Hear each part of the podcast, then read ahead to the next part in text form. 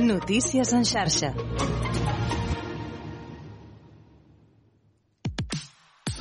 Obert per vacances amb Manel Ferrer.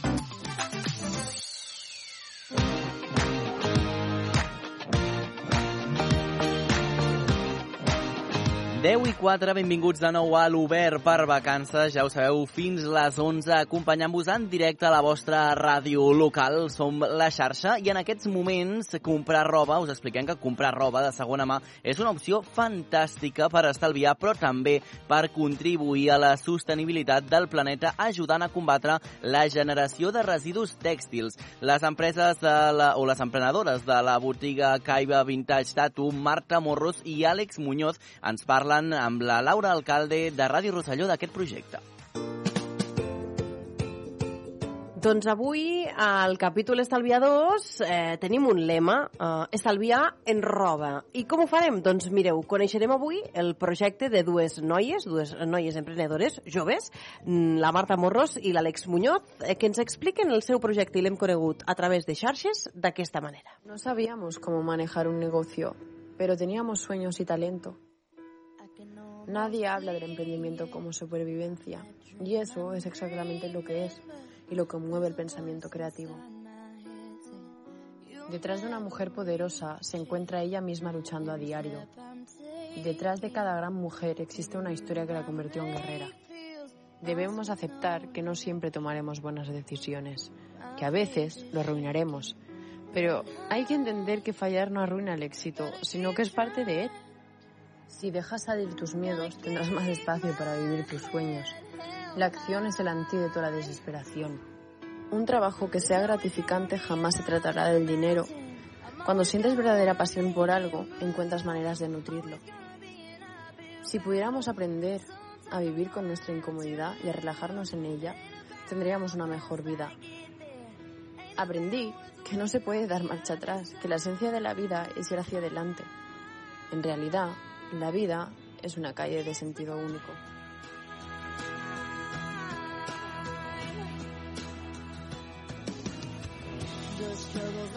Doncs volem eh, conèixer aquest projecte i, sobretot, de quina manera podem estalviar en termes de roba. Marta Morros, què tal? Com estàs? Hola, bon dia. Uh, hola, Àlex Muñoz, com estàs? Hola, bones. Ara us hem conegut una mica millor amb aquest vídeo que ens dona tants missatges positius, no? I tants missatges de realitat que deixeu-me que us pregunti una mica com neix uh, aquesta Caiba Vintage Tattoo, que és aquesta botiga que teniu a Lleida. A veure, la cosa va ser simple. Bueno, jo abans treballava a, a la botiga mm, eh, bueno, és una franquícia que es dedicava a, a tot el tema de venda de, de roba de segona mà. I bueno, jo allà posada ja vaig dir ostres, em mole no, aquest rotllo i, tot el, i tota la pesca. I vaig dir, bueno mmm, per què no jo aportar una mica el, el granet? Mm. i eh, ens vam conèixer amb l'Àlex, ella també tenia ganes pues, d'emprendre i, i no res, pues va sorgir, pues vam anar treballant... Vam crear la marca, vam començar a fer plans de tot el que seria la botiga, de com aniria el negoci, i bueno, i res, vam tardar que 8, 8 mesos, 8 mesos a tenir el local obert amb tot dins. déu nhi eh, No gaire fàcil, això d'emprendre, no, no per no dir no gens, no? De tota manera, aquí esteu eh, a, a, i heu vingut a explicar-nos, perquè avui estem interessades en, en, en descobrir de quina manera podem estalviar en roba, no? Vosaltres veneu roba de segona mà. Sí. I aquí s'han de trencar molts estereotips, no? Perquè hi ha molta gent que creu que pot comprar un moble de segona mà, no? Una bicicleta, eh, però no la roba. És que ara és, és un tema difícil, la roba. No, no sé, no entenc el per què, però és com... Ens trobem molts dies a la botiga el fet de... Entren... Ai, és roba de segona mà? No, no, no, no anem, anem. I prefereixen comprar al, a qualsevol botiga que treballi d'una forma... Eh, amb el fast fashion. Amb el fast fashion, quan dius, ostres, bueno, és que final aquesta roba es pot reutilitzar i, i, i l'altre dia ho comentàvem, que hi ha cementiris de roba. Vull dir, ens estem cargant al món, llavors no, no, la gent no té aquesta consciència. Uh -huh. Llavors, si igualment, com has dit tu, um, si es pot comprar un moble, per què no una peça de roba? Uh -huh.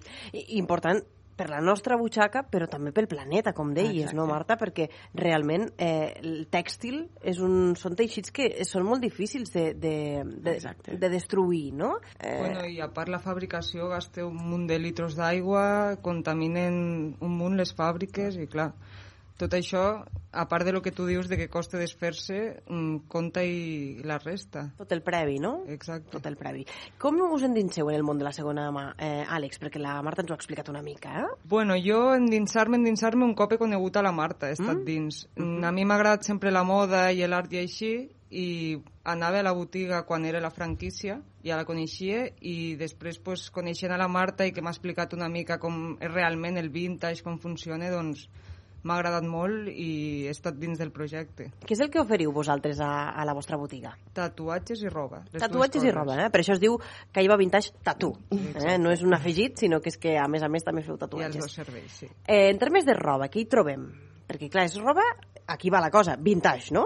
La, a veure, la paraula vintage és com si fos la cosecha, no? que se'n diu, mm. és el, el fet aquest de... mm, La peça, com a mínim, té 20 anys, ¿vale? És, és igual, eh? com també pot ser un moble o el que sigui. O sigui, un moble vintage és que té més de 20 anys. Llavors, nosaltres a la botiga sí que tenim molta roba eh, vintage, sí que no puc dir que el 100% perquè és que és impossible, uh -huh. perquè el mercat ja està tan, tan, tan abordat amb, amb el tema vintage que costa, Costa un... trobar. Perquè ha crescut moltíssim, Moltíssim. l'interès de la gent, no? Moltíssim. I clar, doncs, per exemple, jo que sé, uns pantalons Adidas uh, de fa 20 anys els hem tingut a les mans i és, és que és impressionant. Les qualitats, tot. El Ha teixit, canviat, no, molt, tot això? Molt, moltíssim. Molt, molt. I ara totes aquestes marques tornen a fer el mateix perquè al final la moda és, és cíclica. Llavors nosaltres a la botiga el que oferim és això, productes que sí que n'hi ha alguns que tenen més de 20 anys, alguns pues, que, bueno, que poder sí que en tenen 5, m'explico? Uh -huh. D'on venen aquests productes? És a dir, no és un particular qui us porta la roba. No, no, nosaltres funcionem com qualsevol altra botiga. Amb els nostres proveïdors sí que podem tindre eh, algun contacte per allà, sí, més premium, Extra, sí. però com qualsevol altra botiga, amb un proveïdor. O sigui, existeixen proveïdors Existeixen. de roba de segona mà. Sí, sí, sí. N'hi ha moltíssims a part, per Molt, tot arreu del món. I clar, tenim poca tradició nosaltres, no?, en Sí, relació a la, a la coneixença i a la compra de la segona mà, no? Ara he fet un Google així molt ràpid, no?, i he googlejat molt ràpidament qui quin famós, eh? he anat a buscar això, eh, una mica. Quin famós compra de segona mà? Doncs mira, em surt la duquesa de Cambridge, no? O em surt eh, Julia Roberts, per exemple. És que, bueno, allà és, és impressionant. Vull dir, per exemple, te'n vas a, a Londres mateix, al, al Camden Town, Sí. diu. flipes. O sigui, allà la, la, la cultura que tenen tot és, és, és impressionant. Però clar, és que aquí a Espanya, i inclús aquí a Lleida, doncs és... És més Lleida que Espanya, perquè mateix te'n vas a Barcelona i la cultura vintage ja està molt posada allí. Hi ha moltíssimes botigues tot, de sí. vintage. Aquí, pues, bueno, pues, anem un passet enrere. Teniu una mica una missió, no?, en aquest sentit, vosaltres, no? Eh, De trencar una sí. mica totes aquestes, aquestes barreres. Quin és el vostre públic objectiu? N'hi ha un? Es pot definir? És molt ampli. És molt ampli. Sí? Sí. Qui hi trobaríem? Gent jove, gent És més que, gran? És que és eh? això, te trobes de tot. Tampoc pensàvem que seria tan ampli de primeres, però tal te pot venir un noiet de 16 anys a comprar-te un xandall com passa una senyora una mica més gran i s'endú un vestit. Sí que nosaltres ens centrem molt amb el que és el jovent. Mhm.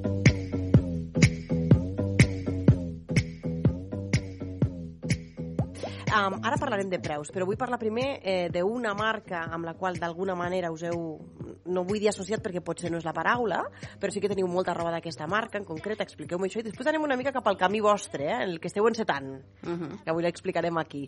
Eh, amb qui treballeu? Expliqueu-nos qui és aquesta marca. Doncs ara mateix eh, som distribuïdores de Calu Ibiza, que és una marca que va néixer a partir d'una noia que és d'Ibiza i la crea ella, la fama, la marca aquesta. Utilitza teles de qualitats molt bones, mm, teixits molt originals i així, i la idea és aquesta, agafar una mica pues, marques treballades a mà, que no sigui seguint la línia aquesta de fast fashion, una mica més exclusiu, i estem obertes a treballar amb més tipus d'aquestes marques. És... Són, eh, diríem, eh, respectuoses amb el medi ambient, sí. no? respectuoses amb la manera de fer, ja sempre aneu una mica encarades cap aquí, Exacte. no? Eh, si us arriba a vosaltres una eh, peça de roba vinguda d'una franquícia, de segona mà, també la teniu o no?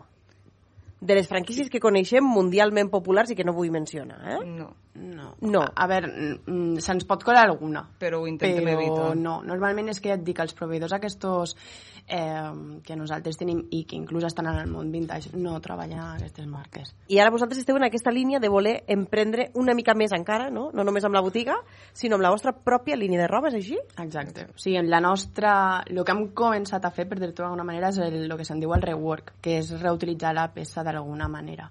pues, jo què sé, per exemple, una camiseta pues, té una taca que dius, ostres, és que es veu i, i, i és que no la puc treure de cap manera. Vale, pues jo l'agafo, la tallo per aquí, li poso un parche, lo que tal, i al final li dones aquest segon ús, no? O jo què sé, bueno, ja simplement uns pantalons que dius, ostres, que sosos que són. Pues bueno, va, li fem quatre pintades i ja és aquest atractiu, no? Però bueno, això a poc a poc. A poc a poc, perquè no és fàcil el camí, no, eh? ja arribarà ja. No. Bueno, en fi, les primeres passes estan fetes, això és important. Parlem de preus. Perquè la gent pot dir, segona mà, val, pot ser més assequible, però vosaltres parleu d'aquesta cosa vintage i de marques. Llavors, eh, per on aniríem? És que aquí tenim problemes cada dia. Sí? Sí, sí. Perquè és la difícil, gent, no? És, és molt difícil de que la gent uh, ho entengui. Perquè, clar, mm, com em pots vendre alguna de segona mà? A veure, a veure, a veure. Sí, és de segona mà, òbviament, però al final sempre lo diem, té un valor afegit, és com qualsevol tenda de, o sigui, botiga de roba, que al final nosaltres també ho comprem, m'explico, no ens ho ve a portar ningú. Llavors, clar, els nostres preus, pues, si un polo de X marca nou et val 100 euros, pues nosaltres te l'estem venent a 20. A, ens ha arribat peces vintage exclusives que De morir? de morir i han posat pues, un preu realment raonable per lo que és la peça i no es ven. Perquè la gent no entén que aquesta peça està fabricada fa 20 anys o fa X anys i no ho entén. Com em vas posar en aquest preu? Clar, és que a part s'ha de tenir en compte això, que aquesta peça ja no la trobaràs. No. No. A no ser que rebusquis per una app d'aquestes de roba, una web, no ho trobes així com així. Eh, Déu-n'hi-do, doncs el repte no és fàcil, no? Eh, en una ciutat com Lleida, que és una ciutat-poble, diríem, no? Eh, en altres punts de Catalunya potser les coses ho tenen més fàcil, no? Però vosaltres us heu posat un repte, jo crec que important, no? Pregunta del milió. Hi ha estalvi econòmic venint a comprar a la vostra botiga o, o, o optant per aquesta cosa de la segona mà? Home, jo crec que sí. Realment t'estàs enduent una peça de marca que et podria costar nova a una botiga uns 100 euros perfectament per 20-30 euros. Te pots comprar un outfit sencer per el preu que et compraries una peça en una botiga de primera mà. Avui ens ha anat molt bé conèixer el vostre projecte, eh, Marta i Àlex. Eh, eh, apuntem, en aquest cas, la vostra botiga i us agraïm moltíssim que ens hagueu acompanyat en aquest episodi dels Estalviadors. Que vagi molt, molt bé. Moltes Igualment. gràcies. Quina és per tu la cançó de l'estiu? Digue'ns-ho amb una nota de veu al 628 841 055 i podràs guanyar 60 euros per gastar al bon preu esclat.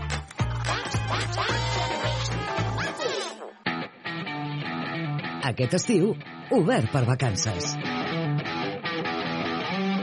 Passen 3 minuts d'un quart d'onze del matí. El passat 23 d'agost, és a dir, fa molts pocs dies, es va donar per finalitzada la 25a campanya d'excavació al jaciment de la primera edat del ferro de Sant Jaume del Canà, que va estar en actiu entre l'any 800 i 500 abans de Cris. Un jaciment que encara ha de donar moltes alegries, ja que de moment només es porta excavat un 35% a causa de la gran quantitat de material que surt cada estiu i que, a més, podria reescriure part de la història a causa de les diferents hipòtesis amb les quals es treballa i que, de confirmar-se, podria convertir-se en l'assentament fenici més al nord de tota la Mediterrània central, occidental i també oriental. Les excavacions van començar l'any 1997 i accentuant els anys de la pandèmia i algun altre que no s'ha pogut treballar cada any els arqueòlegs i els estudiants han tornat a la seva cita anual durant la setmana de juliol i les tres primeres d'agost. Avui, per parlar-ne, ens acompanya la Cristina Esteban des del Canal Ràdio i també el el codirector de les excavacions, el doctor en història David García Robert del GRAP, grup de recerca en arqueologia protohistòrica de la Universitat de Barcelona. Benvinguts als dos, com esteu? Bon dia. Hola, bon dia. Doncs molt bé, gràcies. Gràcies, David, per acompanyar-nos. Eh, primer de tot, ens pots fer una fotografia d'aquest jaciment del que encara s'han de confirmar, com dèiem, moltíssimes teories, però que cada vegada apunta més a que sigui fenici i no indígena com es pensava en un primer moment. Doncs sí, de manera molt ràpida, mm. penseu en un jaciment molt petit, tan sols 700 metres quadrats, que no és un jaciment ibèric, sinó, com heu dit fa un moment, preibèric, és a dir, de la primera edat del ferro, i que està molt potentment fortificat. Interiorment és un garbuix de murs, passadissos, habitacions, espais, els quals estem estudiant, com comenteu ara també, des de l'any eh, 97, i que, a més a més, està excel·lentment ben conservat. Bàsicament, la, la idea general que ens podríem fer seria aquesta. Uh -huh. Mm. I tot i que al llarg de tots aquests anys eh, s'havia considerat que el jaciment de Sant Jaume d'Alcanar era la residència d'un capdill o d'una capdilla, l'any passat ja va sortir a la llum que es podria tractar d'una factoria fenícia, però enguany crec que encara s'ha anat més enllà. És així, David? Doncs la veritat és que sí, com ara comentàveu, doncs eh, eh, tenim ara mateix dues hipòtesis per interpretar aquesta cosa tan marciana que tenim, aquest jaciment tan estrany que tenim entre mans. Una és que fos aquesta gran residència, aquesta gran casa fortificada d'un capdill local eh, en aquella zona del Canà i d'Icona. L'altra és que fos això, un assentament, eh, una factoria, una base fixa pròpiament fenícia. Enguany, eh, realment, a poquet a poquet, en realitat el que anem veient és que a mida que excavem, a mida que que treballem i a mesura que anem eh, valorant eh, evidències que, que surten de la Terra, doncs aquesta hipòtesi B, aquesta possible interpretació com una base fixa fenícia aquí al sud de Catalunya i nord del País Valencià, doncs cada cop es fa més ferma. En aquest sentit, algun edifici en concret que sembla que podria ser un espai religiós o fins i tot la forma com interpretem alguns objectes, com per exemple alguns pesos de taler que han aparegut de manera molt... amb una quantitat molt, molt enorme en el jaciment, ens fan tendir cada vegada més cap a aquesta segona interpretació, aquesta segona hipòtesi.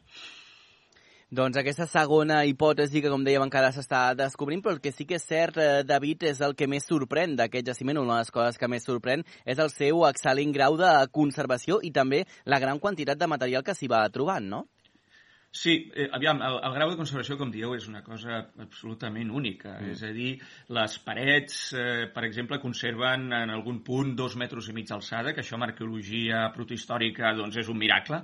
I, a més a més, es va donar la sort per nosaltres, pels arqueòlegs, que al final del jaciment va ser molt luctuós, va ser un conflicte, va ser una guerra, van ser atacats, ahir tot va ser cremat i tot va ser destruït i abandonat. Això quan en arqueologia passa, doncs vol dir que ningú torna, va tornar al lloc per recuperar res. I per tant, eh, passats els anys, els arqueòlegs estem recuperant amb un grau de conservació excepcional tot allò que, que, que va quedar l'últim dia de vida que, que va haver en aquest, en aquest assentament. Per tant, tot molt ben conservat. Això ens fa anar més lents a l'hora d'excavar, per això portem 25 anys treballant, 25 campanyes, eh, 25 mesos d'agost treballant a, a Sant Jaume del Canà i tan sols hem excavat el 35-40% d'un jaciment que, com deia abans, és molt menut, aquests 700 metres quadrats, però és perquè la gran quantitat d'objectes i de restes i d'evidències i d'informació que ens dona ens fa treballar molt lents. I com dèieu també, la, el, un dels elements més particulars és aquests pesos de taler, aquests elements que es feien servir en els talers per produir roba i que actualment a Sant Jaume estan amb un nombre proper a 1.500 unitats, la qual és el nombre més elevat i de llarg de pesos de taler de tota la península ibèrica en qualsevol moment històric. Mm. Un assentament, eh, David, eh, que, com hem dit, eh, segurament encara té que donar moltes alegries, no? però que també crida molt l'atenció els fonaments del mateix i també les torres de defensa que tenia, no? perquè en el seu dia serien de gran alçada. Sí, eh, has esmentat, eh, Cristina, dos dels elements, no els únics, però sí dos mm. dels elements que ens parlen d'aquest eh, aire oriental, aquest aire fenici, que curiosament té el jaciment de Sant Jaume. Un és que bé, comprovar que l'edifici en si descansa sobre uns fonaments, sobre unes estructures prèvies que quan el jaciment funcionava evidentment no es veien, com és normal en els fonaments, però que quan nosaltres hem excavat i hem, eh, hem anat més a baix del que serien els nivells de circulacions, hem trobat amb la gran sorpresa que l'edifici tenia fonaments. I aquests fonaments, i per no eh, diguéssim, anar molt més enllà des del punt de vista tècnic, doncs una de les, no, no només sorprèn pel fet de que hi siguin, en aquell moment en aquesta àrea nostra ningú feia fonaments per fer els seus edificis, per tant només els trobem a Sant Jaume, resulta que a més a més és un tipus de fonament molt particular i que eh, correspon a fonaments de tipus oriental, de tipus pròxim oriental, de tipus fenici, és a dir, tu pots anar a Egipte, tu te pots anar al Líban, a Síria i, i te pots trobar, però aquí no. Llavors només els trobem aquí a Sant Jaume. I el tema que deies de les torres de defensa estem igual. Les primeres torres que es construeixen i que s'aixequen en el que avui dia és Catalunya i nord del País Valencià, doncs serien les del Canà, que són torres quadrades, són un parell de torres quadrades que estan col·locades al nord, en la part més nord del, de l'assentament, i que s'aixecaven un mínim, anem a mínim sempre, un mínim d'uns 7 metres eh, d'alçada.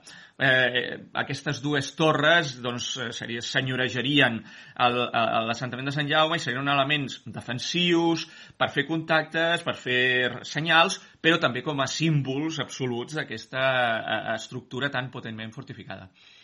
Clar, de fet, tenim molta curiositat també, David, aprofitant que tenim aquí per preguntar-te per Tírica i també, el més important, com se sap que va existir? Doncs eh, és una pregunta interessant. A mi si em contestes i té de ser absolutament sí? sincer com a arqueòleg, el que et diré ara com ara és encara no sabem si va existir realment. Eh, però sí que és cert que el Tirica, que és un topònim, és un nom de lloc que el tenim conservat en un poema romà molt tardà d'un autor que es diu a Vier i que va fer un poema que es diu L'Hora Marítima i que aquest poema el que fa és descriure les costes de la península Ibèrica doncs des de més enllà de l'estret de Gibraltar fins proper a l'àrea de l'Empordà. I en un moment determinat parla del riu Ebre i diu que abans del riu Ebre havia una, un, un, un hàbitat, una ciutat, diu ell, molt important, eh, que tenia unes relacions comercials internacionals molt notables, i etc etc etc i diu que aquest lloc es deia Tirica.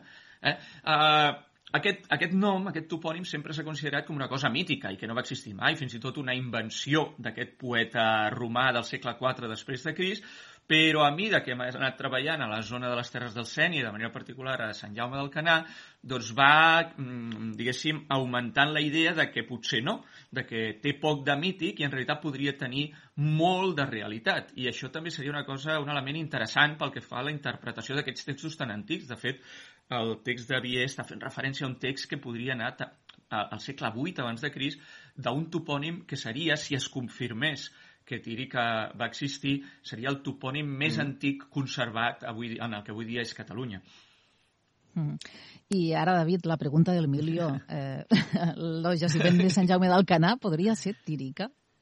Doncs la resposta que de dir en termes de possibilitats és que en el que avui dia sabem de Sant Jaume hem de dir que Sant Jaume podria ser Tirica. Tirica seria... Un... Què significa Tirica? Tirica literalment significa eh, la ciutat dels tiris, la ciutat del, de la gent de Tíria, de Tir, perdó. Què és Tir? Tir és la ciutat de Fenícia, la ciutat de l'actual Líban, d'on van venir els colonitzadors fenicis que van eh, instal·lar-se a, a la península ibèrica. Per tant, eh, dir fenicis és, eh, o dir tiris és el mateix que dir fenicis. Per tant, un topònim que significa literalment la ciutat dels tiris, la ciutat dels fenicis, ens aniria molt bé en un lloc on Sant Jaume, on, com eh, fins ara deia, doncs s'està demostrant que la presència fenícia és molt, molt important i fins i tot que podria ser una base fixa fenícia. Eh, ho podrem demostrar jo tinc esperances i, i grans esperances. De fet, eh, tinc, tenim la sensació al GRAP, al grup de recerques, que si les coses van com van fins ara i progressen, doncs potser l'any vinent o d'aquí dues campanyes jo crec que podrem arribar a confirmar que sí, que Sant Jaume eh, va ser tírica. Mm, Déu-n'hi-do, eh? Oh, i tant. déu nhi sí. No, estem descobrint moltíssimes eh, coses avui amb, amb la teva ajuda. De fet, et volia també preguntar, aprofitant que tenim aquí, de fet, hauríem de convidar un altre dia perquè estem eh, parlant de temes molt interessants. Eh, què va passar també amb el jaciment de Sant Jaume? Perquè n'has fet abans eh, menció. Eh, va patir un atac i se sap també què va propiciar aquest atac? Sí, aviam, Uh, sigui el que sigui, és a dir, sigui la hipòtesi A, és a dir, la gran residència d'un capdill, o sigui la hipòtesi B, una base fenícia, una factoria fenícia, el que sí que tenim claríssim, i això no és, és així, és que fou l'entrada a tot un territori que aniria des del nord del País Valencià, la zona del Baix Aragó, les terres del Sènia, les terres de l'Ebre, fins a Maquinensa, va ser el punt d'entrada, la porta d'entrada d'Orient, del Pròxim Orient, en tot aquest territori indígena. És a dir, per aquí entraven uns productes de molt de valor en aquests territoris de, de casa nostra perquè no existien i eren productes de luxe. El principal, per esmentar només un, el vi. És a dir, en aquella època preibèrica, en aquella època de la primera del ferro, en aquests territoris no existia la vinya domèstica i, i, menys, i menys encara se sabia com fer vi. Per tant, en el moment en què arriba el vi fenici, que portaven molts i molts segles produint-ne, eh, resulta que ens trobem amb un producte escàs, que arriba quan arriba en aquella zona, que evidentment té uns valors organolèptics que penso que tots nosaltres estarem d'acord que els té, és un producte bo, agradable i que té una potència euforitzant doncs, molt notable i que, eh, per tant, té un altíssim valor. Mm. En aquells moments, per la gent indígena, seria doncs, com l'or o com el petroli per nosaltres. I eh, què vol dir això? Que aquesta, aquest jaciment pot ser objecte de cobdícia, perquè atresora productes de molt de preu, els amagatzema, abans de redistribuir-los cap a l'interior del territori. Un cop arriben per mar, s'emmagatzemen aquí i després d'aquí es redistribueixen per comerç cap a l'interior.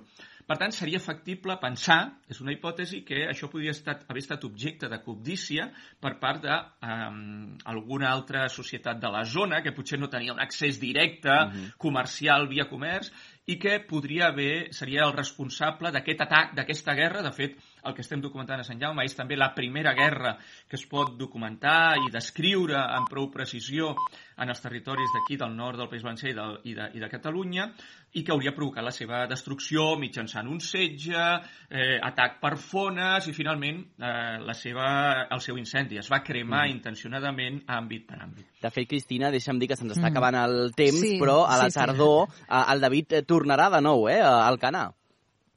Sí. Doncs, ah, perdó, Cristina, endavant, sí. Sí, sí, sí, no, no, no, que tornaràs, tornaràs, no, David? Perquè t'esperem en unes ganes que no ho saps tu.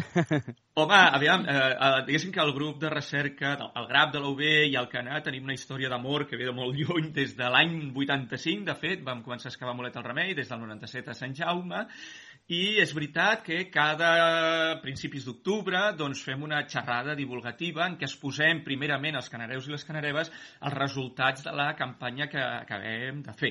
Eh, I enguany, evidentment, la, la seguirem fent com sempre i exposarem aquests primers resultats de forma absolutament divulgativa i amb moltes imatges. Nosaltres mm -hmm. també tenim moltíssimes ganes, com sempre, de tornar al canal ràpidament i poder explicar-nos. Doncs dir. quedem emplaçats eh, aquesta cita. Gràcies per acompanyar-nos avui, David, i gràcies també, Cristina, per ser en aquesta conversa. A Batros, Manel...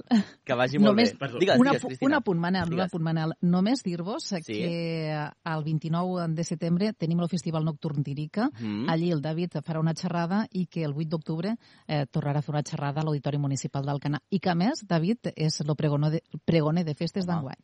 Doncs uh, felicitats, David, eh? Moltes gràcies. Un enorme honor que l'Ajuntament d'Alcanar m'hagi fet pregoner de, de les festes. Doncs quedem emplaçats per aquestes uh, cites. Gràcies i fins la propera. Gràcies. Molt bé. Moltes gràcies a vosaltres. Obert per vacances. A la platja, a la muntanya, a la teva ràdio local i també a la xarxa més.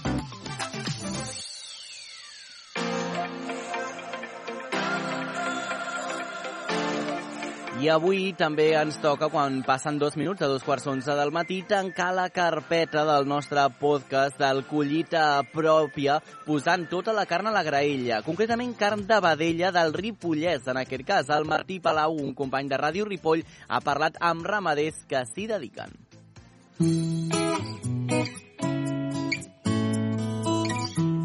Collita pròpia.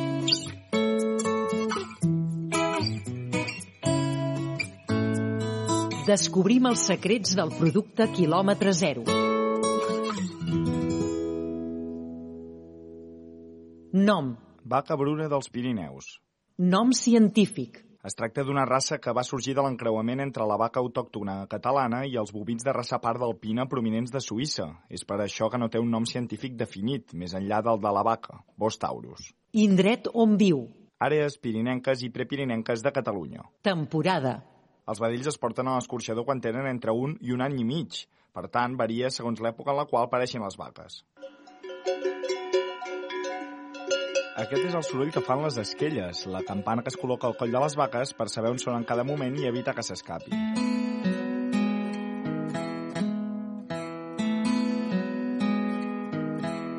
Al Ripollès, la raça de vaca que predomina és la vaca bruna dels Pirineus, que va sorgir entre finals del segle XIX i principis del XX. Es tracta d'una raça que va originar-se amb la fusió de la vaca del país i les vaques pardes alpines, que provenien de Suïssa. Uns anys després, un seguit d'importacions més van consolidar la raça a les àrees del Pirineu i el Prepirineu. A la dècada dels 80, ramaders de les diferents comarques van començar a orientar aquests animals cap a la producció de carn i, 10 anys més tard, el 1990, es va crear la Federació Catalana de la Vaca Bruna dels Pirineus. Es tracta d'una raça molt apreciada per la carn que produeix, però la feina de cuidar i alimentar les vaques és dels ramaders, que dia a dia treballen per aconseguir un producte final de qualitat.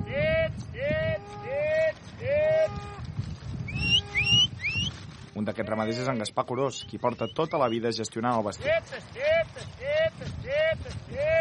Aquest és en Gaspar cridant a les seves vaques perquè baixin de la muntanya a menjar sal. Encara que sembli sorprenent, això els va molt bé per al seu metabolisme, sobretot en èpoques caloroses, quan les vaques beuen més aigua. A Masplanaders, on viu en Gaspar, hi té una explotació d'unes 40 vas. I en cavall llavors les cuidem i en cavall quan pareixen venem els vedells i van a l'engreix. El secret perquè la carn de vedella surti en òptimes condicions per al consum humà és l'alimentació dels animals. Segons el patró alimentari que se segueixi, el gust del producte pot variar substancialment. Bueno, el procés d'una vaca és, tu quan comences a parir les vaques, fas la teva selecció i et guardes les millors vedelles que surten de la millor vaca. Acabat, quan desmames la vedella, està Bueno, la vedella té 7 o 8 mesos, jo la solo desmamar i en cavall llavors fins als dos anys no la tiro a, al toro. En cavall llavors, la, un cop la tires al toro, la vaca queda prenyada i està 9 mesos en gestació. Llavors pareix i va tornant a fer el cicle. Si és una vedella bona i així, me la guardo, si no va a l'engreix i llavors l'engreix es mata i va per camp depèn, clar, si tu engreixes un vedell casolà i així i no dones pinso i així et queda molt, molt eixut i no, no és gaire bon canvi si l'engreixes com Déu mana amb pinso i així eh, sempre surt més bo que no pas un d'aquests així engreixat a banda de les seves pròpies vaques, en Gaspar també treballa per Pirinat, l'empresa de carn ecològica més gran del Ripollès. Pirinat va començar com un petit projecte familiar i ja s'ha convertit en una empresa que distribueix carn arreu del territori espanyol i inclús a alguns punts del continent europeu. Enric Camproví, un dels propietaris de l'empresa, explica els orígens del negoci. Vam néixer aquí al Ripollès, eh, penseu que el Ripollès és una de les comarques de Catalunya amb més vaques de carn, amb més vedella, i vam néixer doncs, amb la vocació de donar valor afegit al producte genuí que tenim aquí eh, en aquest territori. Aquest producte genuí és la vaca bruna dels Pirineus, que dona una de les millors carns de vedella del país. L'alimentació dels animals quan van creixent, com hem explicat, és un dels secrets per al bon gust final, però també durant el temps que estan mamant, ja que la vaca bruna també destaca per tenir una gran capacitat lletera. Els vedells tendeixen a créixer molt ràpid durant la lactància, entre la llet i les pastures. Les vaques de Pirinat romanen a les valls durant les èpoques de primavera i tardor i s'enfilen a les pastures alpines durant l'estiu. Els vedells acompanyen a les mares fins que tenen entre 6 i 7 mesos. Llavors és hora de desmamar-los, és a dir, separar-los de la mare per dur-los a l'escorxador. Després, un cop se sacrifica, les canals arriben a, a Pirinat. A Pirinat s'estan com a mínim 7-8 dies d'oreig a càmeres de 0 a 1 grau no? on la canal reposa, on, on, on el musc, la musculatura passa a carn, vale? és important aquest, aquest, aquest repòs de la carn, i després al cap de 7-8 dies és quan es desfan, es filetegen i s'envasen doncs, depenent de la tipologia de client. O es porten a una carnisseria i es ven al, al taulell, o, se, o es filetegen i es, veia, es venen a, a, a, als restaurants o col·lectius així com escoles això, o, o fem les típiques barquetes de supermercat. Els animals tenen el seu propi metabolisme i és molt complicat aconseguir que la carn tingui exactament el mateix sabor i aquest, justament, és l'objectiu que volen assolir des de Pirinat. que els clients trobin el gust que busquen en les diferents peces de carn que l'empresa ofereix i distribueix a través dels supermercats i botigues. Que el nostre és doncs, eh, intentar fer una cosa molt, molt igual sempre, eh, sempre amb el mateix sabor, evidentment no és un angus, no és un no sé què, però és una vedella doncs, diferent de, la, de lo que pot ser. Ara hi ha aquestes noves cans amb molt de greix infiltrat, eh, que això ho porten diferents races, aquí això no ho tenim. Els ramaders i ramaderes del Ripollès treballen per treure el màxim rendiment a la vaca bruna dels Pirineus, un animal que produeix una carn apreciada arreu. És la comarca on hi ha un nombre més gran de bovins i el deure és continuar respectant i consumint amb responsabilitat aquest gran producte.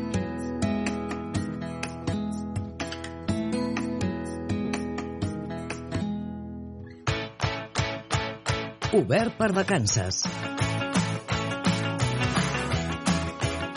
Passen 8 minuts de dos quarts d'onze del matí. Seguim a l'Obert per vacances a la vostra ràdio local i és el moment ara de conèixer la nostra agenda per al dia d'avui. Àlex, una agenda que ja veurem, perquè clar, amb aquesta pluja que hem tingut aquest vespre, hem de veure si s'ha de repetir les properes hores. No sé si poden fer perillar els plans que puguem tenir amb aquesta pluja i amb aquesta veu, eh, que em costarà sí. fer l'agenda, però bueno, a poc a poc. Mira, avui estem una miqueta millor que ahir, Manel. Molt bé, doncs ho celebrem també des de l'Obert per Vacances, que trobis una miqueta millor, a veure si arribes al cap de setmana fort i amb, amb salut.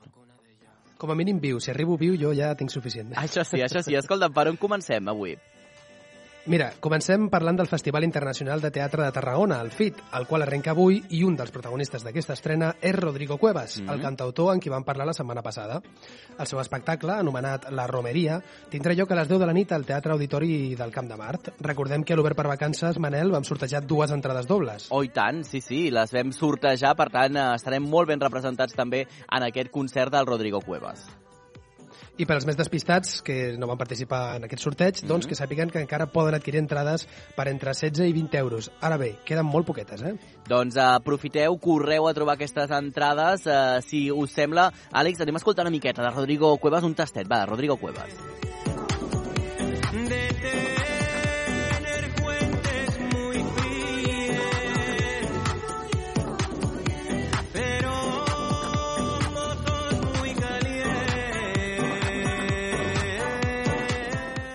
Àlex, eh, per qui vulgui entrades, abonaments per anar a aquest eh, festival, per on estan els preus?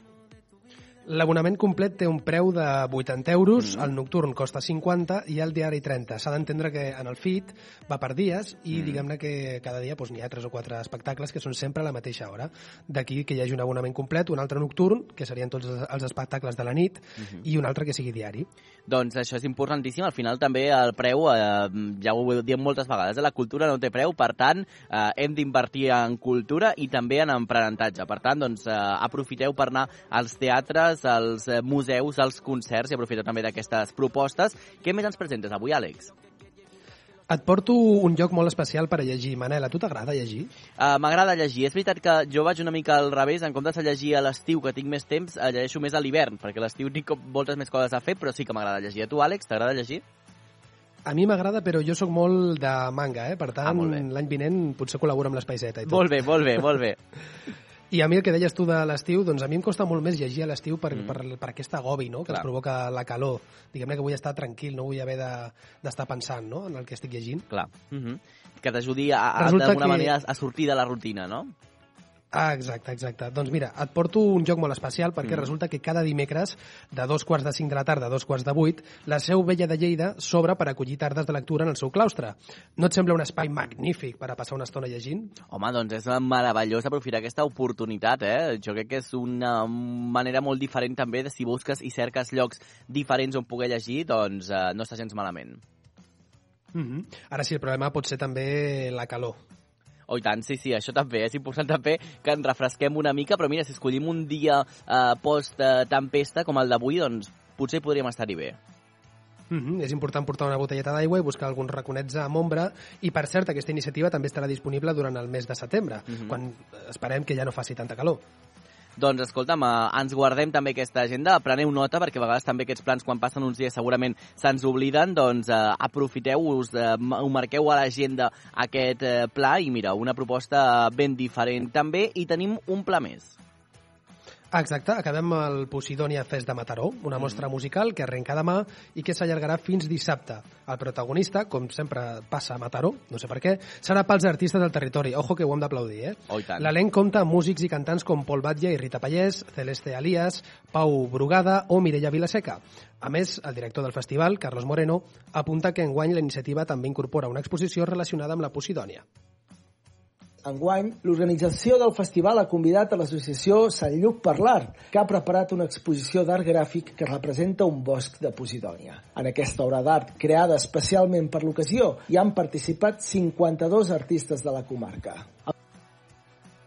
La Posidònia, que és aquesta flora marina. Sí. Abans de que m'ho preguntis, Manel, Sí. les entrades pels concerts de demà són completament gratuïtes, per Mhm. tant no hi ha excuses, i per a les altres dues jornades de festival, això sí, les entrades valdran 18 euros per dia. De fet, eh, ara que ho deies això, que el primer dia són gratuïts, vam fer, o vaig fer una entrevista eh, fa algunes setmanes també al Carlos Moreno i ens explicava que era una de les grans novetats, perquè d'aquesta manera doncs, eh, es permetia que tothom, eh, sigui quina sigui doncs, la seva condició econòmica, doncs, pogués gaudir també d'aquest eh, festival i de la comarca. És a dir, és com un tastet obert a tothom, no?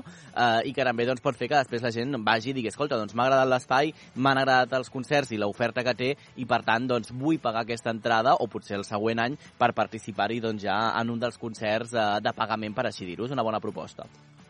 A mi la veritat és que Mataró em té enamorat, eh? perquè entre el, entre el festival Nosaltres, que recordem que Sí. tenia com a un dels la sostenibilitat no? i també aquesta aposta Mm. pels artistes eh, locals i també aquest eh, festival Posidònia que també aposta per aquests artistes locals a mi de veritat que em teniu eh, enamorat eh? des de Mataró Mhm. Doncs escolta'm, estàs convidadíssim al, al Maresme. Jo no visc a Mataró, visc a Premià, però el tenim a, a tocar Ho sé, ho sé. molt, molt a prop. Eh, per tant, estàs convidat també a, a Mataró i si vols també al Posidònia Fest també t'hi podríem fer un, un lloc segur, sens dubte. Doncs vinga, va. Però el que has de fer primer, Àlex, em meus sembla barcos. recuperar-te, eh? perquè em sembla que no estàs per Sí. anar a gaires concerts a l'aire lliure a dia d'avui. Sí, sí, aquest, aquest cap de setmana ha d'estar una miqueta jo al llit. Has de fer bondat. Has fet ja les vacances, Àlex, o les faràs quan acabem l'obert? Les faré quan acabem Ai, l'obert. ai, doncs espero que et recuperis i que comencis aquestes vacances amb condicions i amb, eh, amb bona salut, ja recuperat també d'aquests refredats, que n'hem parlat, és veritat, molt poc, però és veritat que aquesta època de l'any, malgrat la calor, la piscina i la platja, també pots caure malat, lògicament amb un eh, refredat com si estiguéssim a la tardor o a l'hivern, eh? Sí, mira, en el meu cas ha estat perquè, com que a l'estiu sues més, Clar. no et prives de, de, de posar l'aire, ni tampoc de posar Ah. el ventilador, i llavors t'acabes refredant, no? I és una mica el que m'ha passat i estic fatal, estic fatal. És veritat, també ho estan patint eh, moltíssim la gent amb, amb angines o amb, amb mal de coll freqüents, que les angines és eh, facilíssim. Mira, aquí 3 de 3, o sigui, aquí a, a, a Premià de Mar, els tres que estem aquí, els tres patim de mal de coll i d'angines freqüentment, per tant és una època molt, molt complicada, aquesta, i també quan passem després de la tardor al, a l'hivern. Per tant, eh, molta prudència, i és veritat que el, el més còmode, Àlex, és quan arribem a casa, no?, entrar a algun lloc on de cop faci molta fresqueta, però aquests canvis bruscos de temperatura, i a més en aquest punt de l'any i en aquest estiu concretament, en el qual eh, doncs, eh, sembla que passem de la calor al fred molt ràpidament, hem d'anar molt de compte. Per tant, Àlex, recupera't i moltes gràcies. Fins demà. Gràcies, Que vagi demà. bé. Adéu.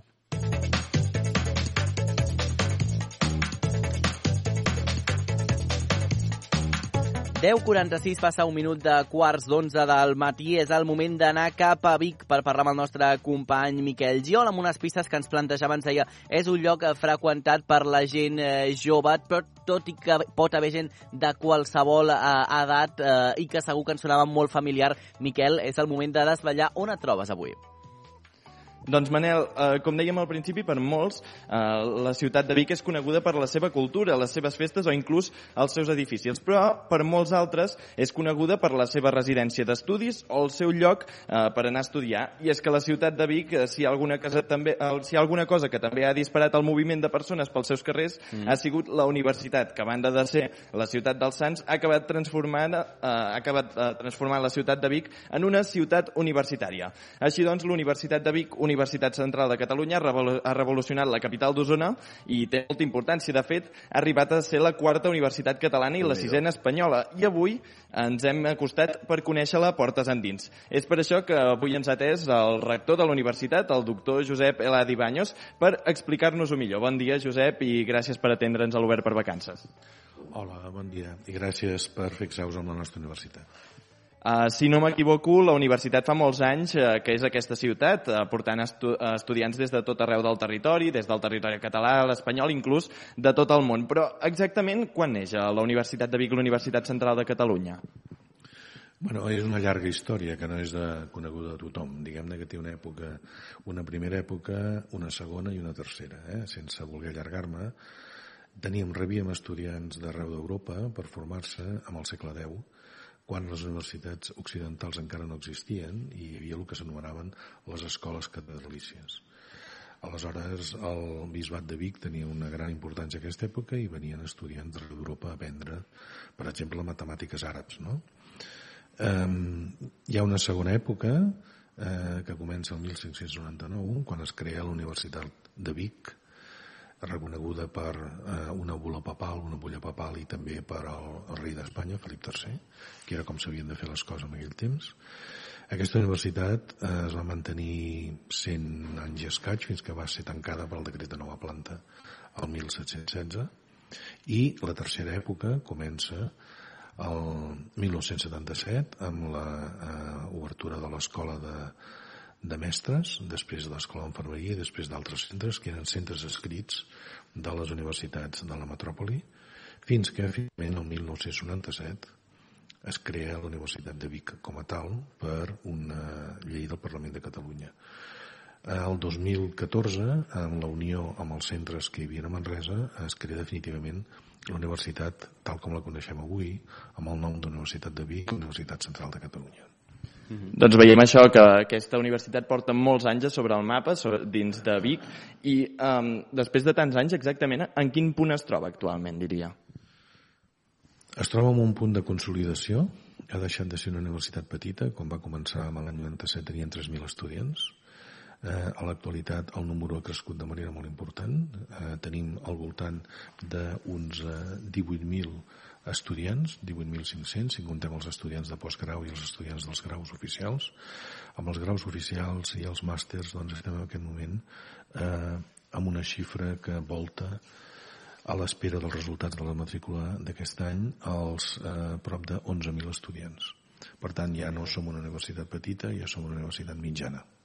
Uh -huh. uh, ara ens uh, parlava, ens desvetllava rector doncs, el nombre d'alumnat que tenien uh, a dia d'avui. Actualment, amb quants graus uh, compteu a la universitat i no sé si teniu pensat també ampliar l'oferta en algun moment. A l'actualitat, el, el grup, perquè hauríem de parlar així, el mm. grup uh, Ubic UCC, que és uh, Ubic que és Campus Vic, és U Medicina, amb la Facultat de Medicina, és U Manresa, amb els centres que tenim a Manresa, més eh, el U Elisava a Barcelona, més els eh, centres escrits que tenim, els tres que tenim, eh, oferim eh, uns 40 eh, graus. Eh, eh, aquest any comencem amb tres nous, eh, que són el grau de odontologia i el grau d'audiologia general i el grau de eh, gestió de la societat digital, els dos primers a la Facultat de Medicina i el tercer al campus Manresa. Eh, L'any passat anem a començar amb el grau de biomedicina amb la Facultat de, de Ciències i Tecnologia, que ha tingut un gran èxit, i eh, aquest és el, la situació actual. Tenim alguns en cartera, però encara és aviat per poder eh, dir res sobre el moment en què eh, s'implantaran. Veiem això, ens comentaves que aquesta universitat aquí a Vic eh, porta des del 1997 eh, aquesta nova etapa de la universitat. Um, podem dir que és una universitat dins de tot jove i uh, que, que en, el, en el fons té molt uh, futur per davant. Però quin, a què vol arribar a ser la Universitat de Vic? La Universitat de Vic vol ser uh, un uh, referent dins de les universitats europees. De fet, Recentment hem eh, rebut el segell de, una, de, una distinció que és un segell d'excel·lència per part de la Unió Europea per un consorci que hem creat en sis universitats d'Europa i nosaltres la Universitat Arte Velde de Gant de Bèlgica que és la que lidera el projecte, una universitat d'Holanda, una universitat d'Alemanya, d'Àustria, de Finlàndia, Romania i nosaltres. Eh, això mostra aquesta eh, perspectiva, aquesta projecció europea que vol tenir la universitat, però sense oblidar mai l'important paper que té a nivell territorial. La universitat ha de constituir un element dinamitzador a nivell cultural, a nivell científic i a nivell econòmic també, dins de les àrees d'influència, al mateix temps que té aquesta projecció cap a Europa. Com veiem la universitat a 5-10 anys vista? La veiem com una universitat important, una universitat renovada, amb tota una sèrie de d'estratègies innovadores amb la docència i amb la recerca que la, la pugui convertir en un referent. I ja per anar acabant, eh, de cara al futur, eh, vostè com s'imagina la universitat d'aquí 10 anys? Bueno, aquesta és una aposta arriscada. Sort que d'aquí 10 anys ningú em vindrà a preguntar què vaig dir, no? Avui. Però jo la veig com una universitat molt integrada amb el territori, eh, com un element eh, fortament eh, innovador dins de l'àmbit, eh, no només empresarial, sinó d'institucions, estic pensant, i ja en aquest moment ja està passant amb els eh, col·legis, amb els eh, instituts i amb els centres sanitaris de la comarca. Eh, ha de constituir un element important, eh, capdalt, per als processos d'innovació territorial. Ho veig així sense oblidar, i ho he dit abans, aquesta projecció a nivell europea que ja tenim en aquest moment.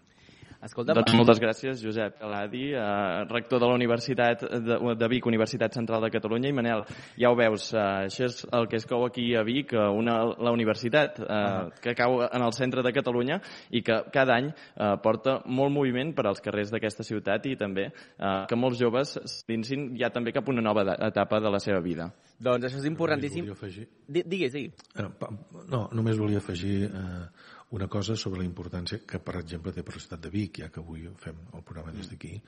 Nosaltres tenim aproximadament entre 5.000 i 6.000 estudiants que estudien a campus eh, de Vic. Eh, si considerem que la ciutat té al voltant de 48.000 habitants, significa eh, un 15% de la població de Vic són estudiants amb el dia a dia això a part de la part d'ells que resideixen habitualment. Per tant, la importància de la presència a la universitat a Vic és elevada eh, i es pot veure pels carrers. Doncs eh, queda dit gràcies als dos per acompanyar-nos avui a l'Obert per vacances. Fins la propera. Fins la propera.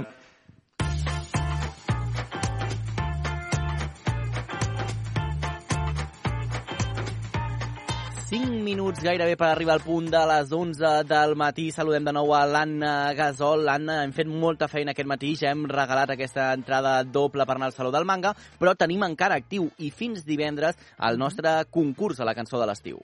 I tant, fins divendres tenen temps els nostres oients d'enviar-nos un missatge dient-nos com es diuen, des d'on ens escolten i quina creuen que és la cançó de l'estiu al 628 841 055 i per entrar al sorteig, al sorteig bon preu, al sorteig de oh, 60 euros per bescanviar en aquest super supermercat. Super supermercat, amb aquest super super concurs eh, i que es poden portar aquests 60 euros per gastar. Doncs escolta'm, que jo crec que és molt interessant. Ara, Anna, que ens apropem gairebé al final de l'estiu, que començarà doncs, el mes de setembre, que és eh, bastant temut per moltes famílies, doncs escolta'm, 60 eurets que pots fer servir i molt bé. I tant, que no A veure, ens estan arribant Escolta. respostes, eh, al 628 841 055. Ens estan arribant respostes i a mi una, te'n ficaré una que m'agrada perquè fa el programa rodó. Avui és dia de rumba oh, i, i ens demanen això. Eric de Tarragona. La cançó de l'estiu és Borriquito como tú. Tururú. Tururú. De Peret de Peret m'encanta i a més Anna he sentit en aquest àudio que mentre ens envia l'àudio està escoltant l'Obert per vacances exactament, te n'has adonat t'estàs sentint a tu m'he sentit a mi una, mica, una cosa una mica estranya però m'agrada molt perquè això vol dir que ens escolta l'Eric i la seva família per tant li donem mm -hmm. també les gràcies des d'aquí i jo crec que no hi ha millor manera d'acabar el programa que amb rumbeta, no, avui? I tant, els dimecres és dia de rumba, fem la zona fort. Molt bé, doncs gràcies Anna, ai, Anna Giol, Anna Mariana Giol, Gasol. És, és que ara Anna Gasol, Miquel Giol. Miquel Giol, ah, clar, em ve tot plegat avui Anna Gasol, gràcies. I gràcies a vosaltres per acompanyar-nos en aquest dia post-dia de pluja, podríem dir que hem pogut solucionar també gràcies amb la vostra ajuda. Tornarem demà quan passin 4 minuts de les 9, que vagi molt bé, adeu. la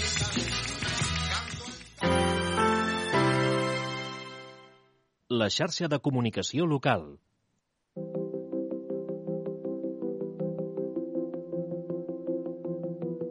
A una discoteca amb una ampolla i dos bengales, una posta de sol i amics a una platja a l'escala, una segona residència a la zona de Puigcerdà, i en veritat, allà em vas ni ve ni va. Una foto Instagram amb un Ferrari al costat, acompanyat d'una merda frase motivacional, un enllaç en curs privat que em diu que em farà molt ric, em sembla bé, molt bé, m'alegro per ti.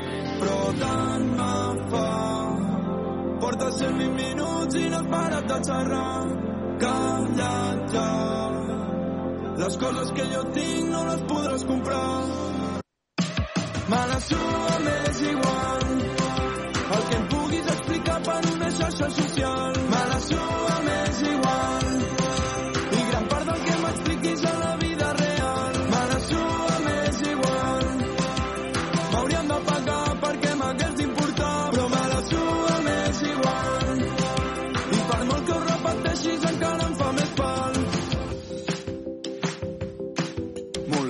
Saber si tothom fots a xapa igual. Gràcies per la informació, però qui t'havia preguntat? Només havia demanat l'hora i ara m'has atrapat. Que em dóna igual. Ah, ah, ah.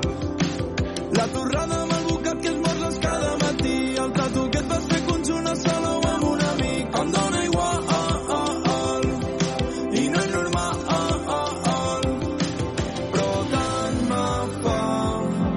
Portes 120 minuts i no has parat de xerrar. Les coses que jo tinc no les podràs comprar. Me la suda m'és igual.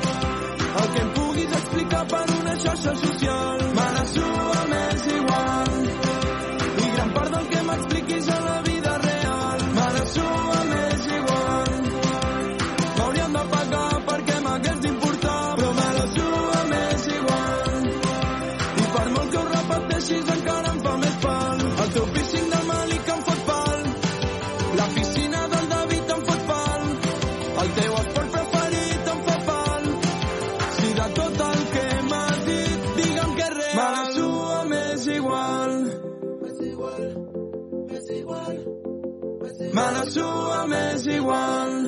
M'és igual, m'és igual. Me la suda m'és igual. El que em puguis explicar per una xarxa social. Però me la suda m'és igual. I per molt que ho repeteixis encara em fa més pal. Me la suda m'és igual. La xarxa de comunicació local.